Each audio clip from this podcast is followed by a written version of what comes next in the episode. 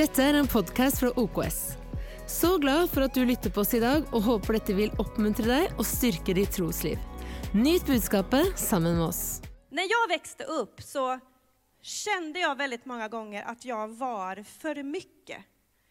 Alltså jag skrattade för högt, jag hade för mycket känslor, jag, var liksom, jag bara var för mycket. Jag slängde ur mig saker ibland som man inte skulle säga. Eh, jag eh, hade ett otroligt behov av att göra revolt hemma. Jag växte upp i en familj, en frikyrklig familj. Eh, min mammas syskon, alla var väldigt involverade i pingströrelsen i Sverige. Jag hade en morbror som hette Olof Djurfält, kanske någon som känner till honom, men han var chefredaktör för tidningen Dagen i 40 år. Han jobbade med Levi Petrus. Och eh, när jag var 13, 14, 15 så ville jag bara bryta mig loss från allt. Eh, jag kände liksom, jag växte upp i en liten stad och jag, jag kände att jag passar inte in här. Jag var liksom, och ändå var jag så på insidan väldigt så här eh, försiktig och rädd och full av ångest. Men på utsidan så skulle jag bara ah, bryta mig loss. Och speciellt när mammas släkt kom på besök. Då eh, jag sminkade mig mer än någon annan gjorde. Och ni vet på 80-talet så sminkade man sig mycket. Det var jättemycket så här knallblått runt ögonen och man hade till och med blå mascara på den tiden. Är det någon som hade blå mascara på sig? Alltså, det, det är liksom, jag vet inte om det, det är väl en, något vi gjorde på 80-talet tror jag.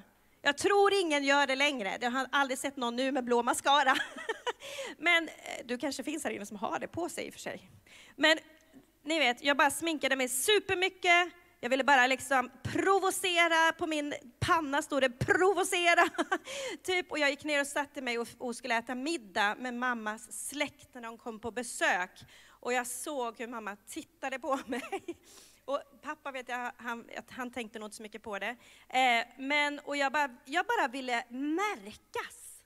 Jag bara ville synas. Och det följde med mig sen lite och jag kände, jag flyttade iväg och hamnade i Karlstad. Och helt plötsligt så kände jag när jag kom till en annan stad att där var jag inte längre för mycket. För på något sätt så hade man liksom i det sammanhanget jag var då, hade man liksom på något sätt bestämt sig för vem jag var. Och på något sätt djävulen hade attackerat mig så mycket med att och du syns, du är för mycket, du pratar för högt, du är för orolig, du blir för arg när du blir arg. För jag var så när jag blev arg så blev jag så arg! är det någon som vet att tonåringar kan bli arga? Så jag var, borde ju inte vara förvånad när mina tonåringar sen blev tonåringar, men det blev jag bara Aah! Och så blev jag påmind påmint om hur min mamma var. Men jag kände många gånger liksom lite grann som den fula ankungen. Och i min bok så har jag faktiskt en berättelse om det. Att, ni vet den fula ankungen växte upp och kanske du känner så också. Att du blir missförstådd eller att någon tycker någonting om dig och du börjar själv tro det. Men inuti dig finns egentligen någonting och inuti mig på något sätt så fanns det ju någonting som Gud sen skulle använda. Just för att jag var den jag var. Så vi brottas med saker och vi blir attackerade i vårt sinne. Och jag har en titel på den här predikan idag som, som jag tänkte så här, Gud kan du inte ge mig något så här fint budskap istället? Typ Gud är kärlek eller Jesus älskar dig och allt det här. Men jag har en, en titel som heter Avväpna fienden. Avväpna fienden. För Bibeln beskriver väldigt tydligt för oss att det finns en strid i vårt sinne. Det finns en strid om ditt liv. Det finns en strid om, eh, för man kan komma på en konferens som vi gjorde igår, man upplever kärlek, man upplever, man liksom blir fylld av en helig ande. Och sen kan man gå från konferensen och sen går man in i sin vardag och så kommer fienden med attacker mot oss. Och vi kan glömma bort så snabbt vad det var som Gud precis gjorde. Någon som känner igen sig? Vi har tagit oss ö, liksom, det känns som berg har kastats i havet framför oss. Eller vi, vi känner som, ni vet, Israels folk gick genom Röda havet. De såg så mycket av Guds godhet, hela Israels folk. De hade liksom blivit befriade som slavar. De hade upplevt frihet. Och när de äntligen var ute i frihet och skulle gå in i det förlovade landet, som låg framför dem, det står att det flöt av honung och liksom allt var vackert och helt ljuvligt. Och så skickade man iväg några spejare och de såg liksom, wow, det var helt fantastiskt. Men där kommer någonting in. Jo, vad var det som kom in? Otro och fruktan. Otro och fruktan, för det kom som vapen riktat mot dem av otro och fruktan. Och helt plötsligt det de såg och det de tog med sig tillbaka till Israels folk var ju först, ja det var väldigt fint, det var väldigt vackert och det var jättevackert och allt var underbart. Men ni skulle sett folket där, de är som jättar! Och städerna, de är så befästa, de är så starka. Och de bara börjar tala otro om det som Gud helt plötsligt hade gjort för dem och där de stod liksom precis och glämtade in, eller glimtade in i någonting fantastiskt. Så lät de otro och fruktan ta död på allting. Och det skulle dröja 40 år innan till slut Gud reste upp en ny generation, en Kaleb och en Jesua som kunde gå in och inta landet på grund av vad då? Två, två vapen, otro, fruktan. Samma sak med dig och mig, och jag har sett det så många gånger i mitt liv. Saker som jag har stått i, saker som jag upplevt, du har säkert gjort det med. Du har bett i tro för någonting. Du ser ett mirakel ske och sen kommer pilar riktade mot dig. Och helt plötsligt har du tappat segern. Och Bibeln säger så här i Jesaja 54, följ med mig dit. Inget vapen som smids mot dig ska ha framgång. Och varje tunga som angriper, angriper dig ska du i domen döma skyldig. Detta är Herrens tjänares arvedel, och deras rättfärdighet kommer från mig, säger Herren. Min första punkt idag är att vapen kommer formas mot dig. Var så säker. När vi, och det var det jag sa, att det är lättare att säga åh Jesus älskar dig, eller hur? Så här, åh Jesus är med dig, det kommer ett genombrott. Men jag känner att ibland så står vi där lika handfallna igen, och jag talar ur egen erfarenhet. När Gud gör någonting stort och sen så kommer vi till ett nytt läge och så ska vi precis liksom göra det, eller Gud, vi har bett för något så länge och så står vi där och så kommer vår fiende djävulen och han, han har en enda uppdrag mot oss och det är att skicka vapen mot oss av fruktan, otro, bekymmer, modlöshet. Allt möjligt sker precis när vi står där. Och han har ett enda uppdrag och det står så här i Johannes evangeliet 10 och 10. Tjuven kommer bara för att stjäla, slakta och döda. Men jag har kommit för att de ska ha liv och liv i överflöd. Alltså, djävulen kommer för att stjäla. Vad vill han stjäla? Din glädje, din tro. Han vill stjäla din seger, din känsla av att någonting gott kommer hända. Ditt hopp, ditt mod, din tro, din känsla av att någonting fantastiskt är på väg att vara framför dig. Så här står, det finns något som heter kärnbibel, jag vet inte om ni har det i Norge? Svenska kärnbibeln, där står det så här i alla fall, tjuven kommer inte om det inte vore för att han skulle stjäla. Kleptomatiskt, vet ni vad kleptomatiskt är? Kleptomatiskt ta för sig och slakta, döda för att offra och helt och hållet ruinera, fördärva, genom att driva ut fåret från jorden och få det ur balans för att sedan kunna döda det. Så, jättepositivt. Vad pratar hon om i kyrkan idag? Ja, att djävulen vill döda oss. men, det kommer ett men. Jag har kommit för att de skulle äga liv. Guds rika liv med kraft, mening och syfte och äga det i överflöd, alltså i fullaste mått, upp till bredden så att det flödar över runt omkring. Det var ju gladare. Men det finns en fiende som vill, han formar vapen. Enligt det här bibelordet i Jesaja 54 så står det att Eh, det står att inget vapen som smids mot dig ska ha framgång, men det är som att vår fiende, han, han gör i ordning vapen som han vet passar perfekt för Camilla Olsson. Vet du, jag vet precis, man borde ju inte bli förvånad, men man blir ändå tagen på sängen ibland, när man precis har upplevt att Jesus gör någonting och så vill han tala ner det. Kanske är det så i en kyrka. Vet ni att det är många kyrkor ibland som står i sådana fantastiska skeenden, situationer, och man tänker vad hände där sen? Helt plötsligt sprids det i lägret en slags otro. Ja men du vet, nu jobbar de alldeles för mycket där och hur ska det gå? Nu händer det där och, och så sprids det saker. Vad är det? Det är ingenting annat än fiendens vapen mot oss. Och därför måste vi som Guds folk lära oss att avväpna fiendens makt. Och som sagt, två vanliga vapnen är fruktan, otro. Och det var som att de här spejarna, de kom överens helt plötsligt med otro. Och så kan det vara i vårt eget liv. Vi funderar på att vi ska göra någonting, eller vi står i någonting, och så kommer någon, så kommer djävulen säga, det där kommer du inte klara av.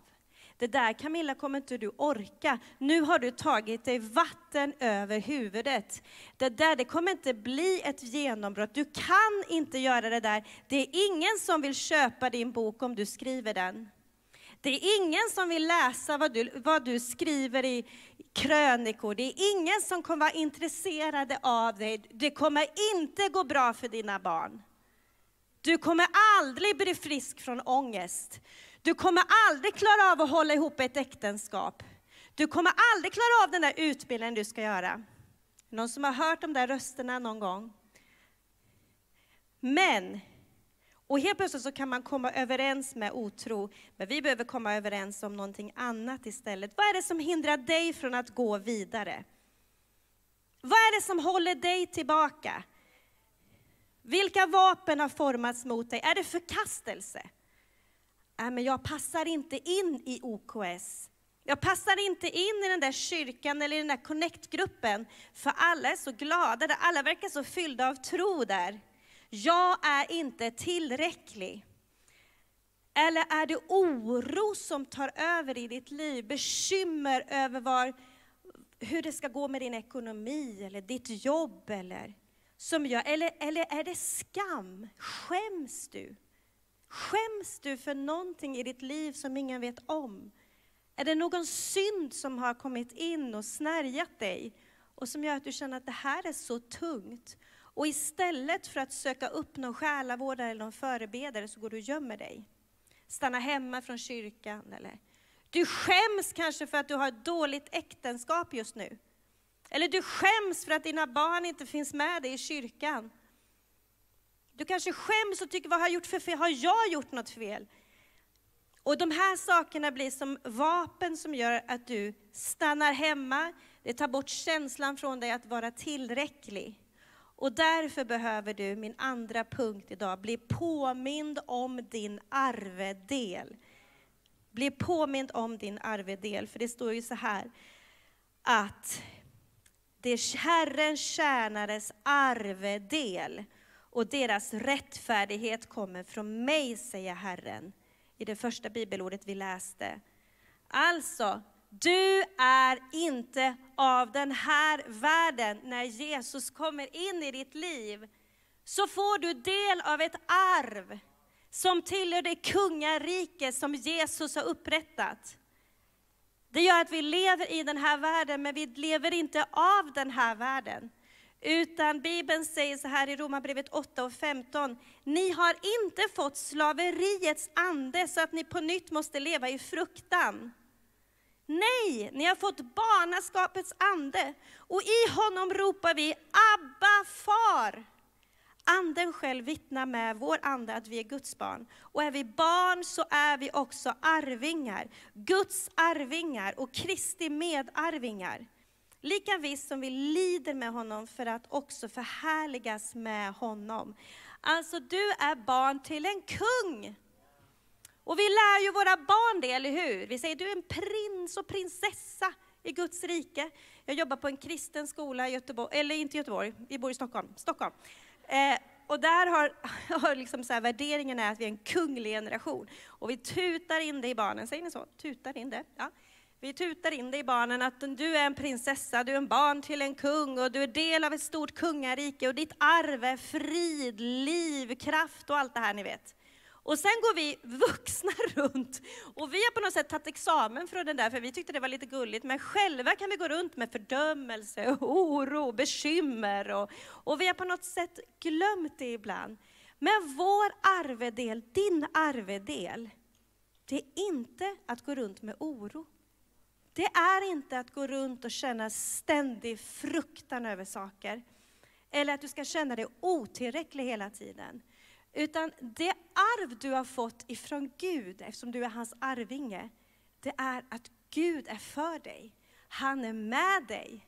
Han har koll på din familj, han vill hjälpa dig i din ekonomi och han vill hjälpa dig av olika, vad det än du står i i livet. Och det står så här, eller eh, att bli påmind om sin arveldel, det är ju på något sätt att komma överens om någonting annat. För vi kan annars komma överens med oro, eller otro, eller ofrid.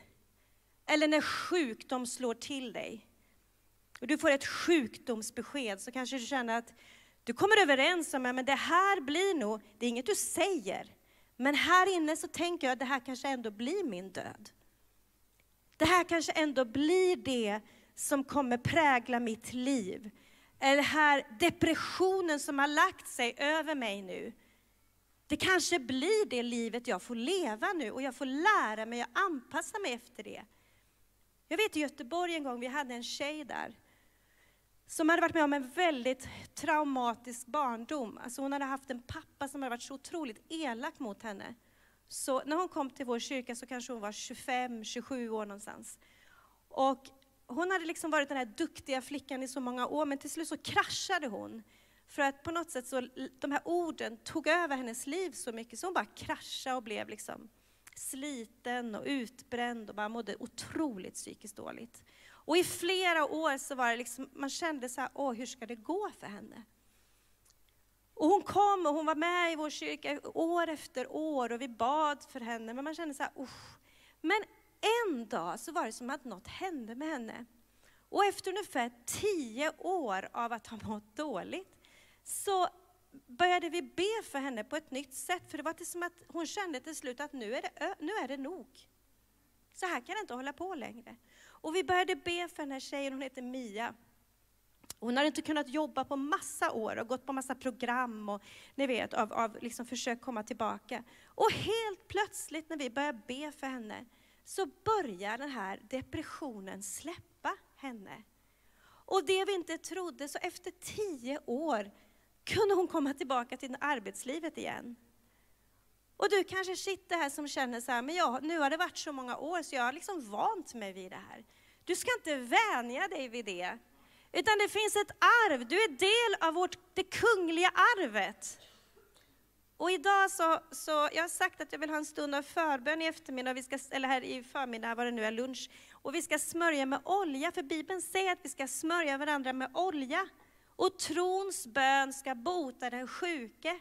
Och jag tror att vi är i en tid när vi ska se sjuka bli helade. Och när, du, när vapen skickas mot dig så behöver vi lära oss att avväpna dem med Guds ord. Om du drabbas av förkastelse, en känsla av att du inte är tillräcklig, en känsla av att inte passa in, så kan du läsa ordet Jeremia 31 och 3. Fjärran, från, fjärran ifrån uppenbarade sig Herren för mig. Med evig kärlek har jag älskat dig. Därför låter jag min nåd bli kvar över dig. Om otro vill slå mot dig, om otro kommer mot dig och bara vill liksom kväva dig, så kan du läsa det som står i Johannes 14 och 12. Jag säger er sanningen. Den som tror på mig ska göra de gärningar som jag gör, och större än så ska han göra. För jag går till Fadern, och vad ni än ber om i mitt namn skall jag göra, för att Fadern ska bli förhärligad i Sonen. Om ni ber om något i mitt namn skall jag göra det om ni ber om något i mitt namn skall jag göra det. Att komma överens med de löften som Gud har gett oss. Om otro slår emot dig, eller oro, förlåt, om oro slår emot dig, så står det så här i Filipperbrevet 4, 67.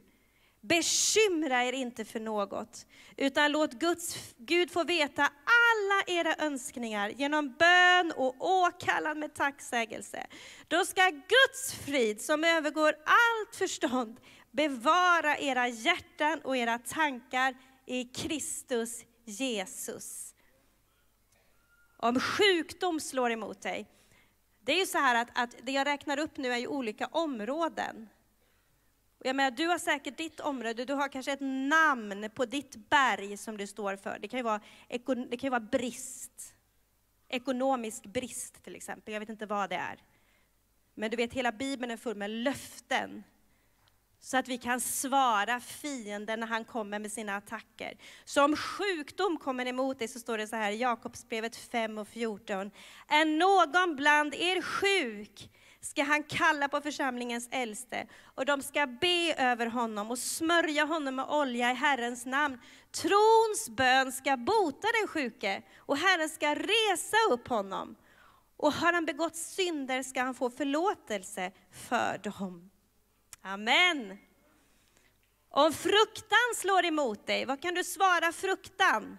Jo, du kan svara så här, Jesaja 54 och 14 säger så här, i rättfärdighet ska du befäst, bli befäst, förtryck ska vara fjärran ifrån dig.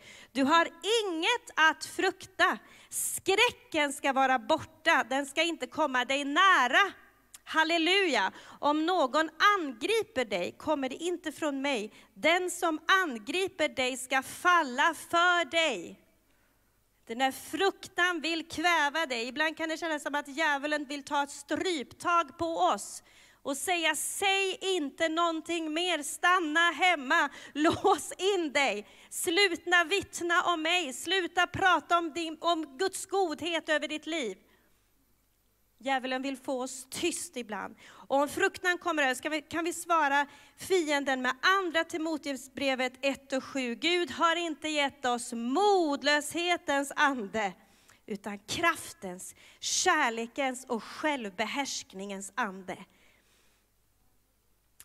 Saltaren 23 och 4 säger så här, även om jag vandrar i dödsskuggans dal fruktar jag inget ont, för du är med mig. Din käpp och stav, det tröstar mig.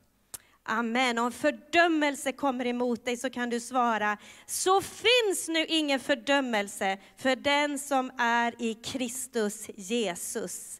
Ni vet, fienden han har fantasi ibland att lyfta upp saker, att få oss att tänka på olika saker. Som Guds folk behöver vi bli mästare på att lära oss att svara med Guds ord, med våra löften som Gud har gett oss.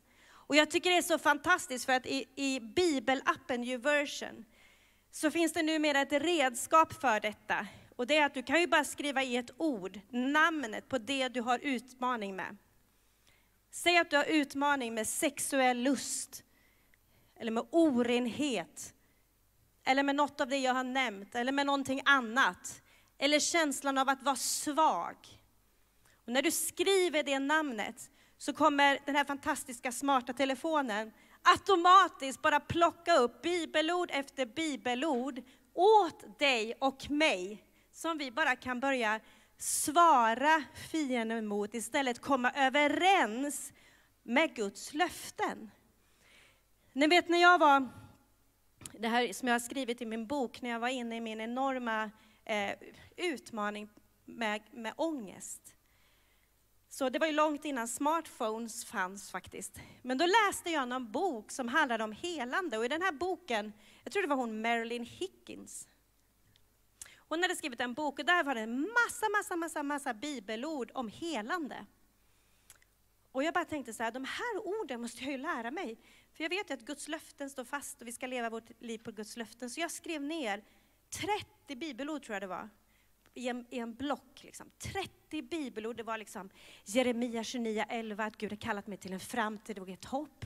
Det var några av de här bibelorden, att, att göra inga bekymmer för något. Det var, det var att Guds tankar är mycket högre än dina tankar. Det var massa bibelord som jag skrev upp i mitt anteckningsblock som handlade om helande och som handlade om frihet, att en son är fri, han är verkligen fri. Och dag ut och dag in, i, i faktiskt då två, över två år, läste jag Guds löften över mitt liv. Guds löften och Guds ord är ju levande och verksamt, säger Bibeln. Så det är liv. Så när du talar ut Guds ord över ditt liv, så är det som att du kommer överens om någonting annat än vad fienden vill tvinga dig att tänka. För det är ju alltid en kamp här inne. Det är aldrig neutralt. Som troende är det aldrig neutralt, utan det är alltid en strid om vårt sinne. Och du behöver fylla ditt sinne med de löften om vem du är i Gud. Och det som hände i mitt liv när jag började läsa de här löftena om och om igen, det var att till slut så förstod jag, och min kropp, min själ, mitt sinne började respondera till det. Och jag fick tro, och jag fick hopp. Och jag tror att det finns flera här inne som behöver höra det idag.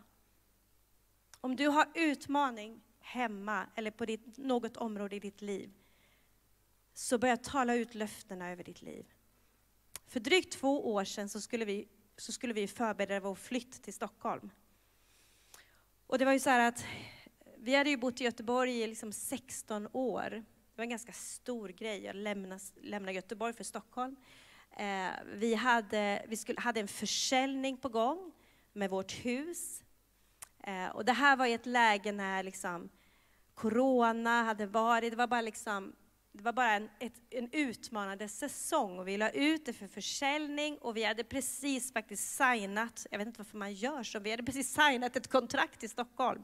Så vi hade liksom köpt ett hus i Stockholm och vi var så övertygade om att den här försäljningen skulle gå så bra.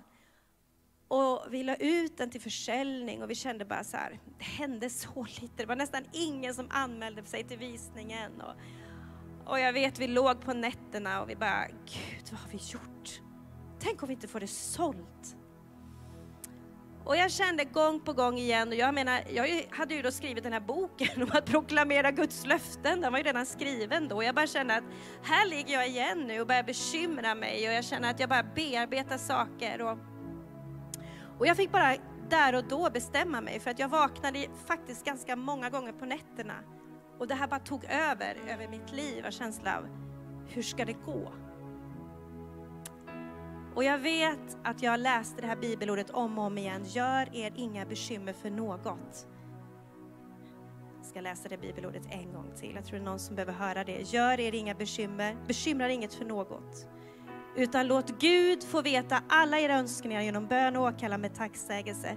Då ska Guds frid som övergår allt förstånd bevara era hjärtan och era tankar i Kristus Jesus. Jag vet att jag läste det bibelordet högt när jag låg där i Göteborg. Anders hade redan flyttat upp till Stockholm så jag bodde själv med mina barn och jag bara, gör er inga bekymmer för något. Och vi bad och vi bad och vi bad och vi bad. Och till slut en dag så började vi få in lite bud och det visade sig först att det inte var det budet vi hade velat ha och vi bara ropade till Gud, Anders och jag sa, det här var ju inte det här vi hade tänkt.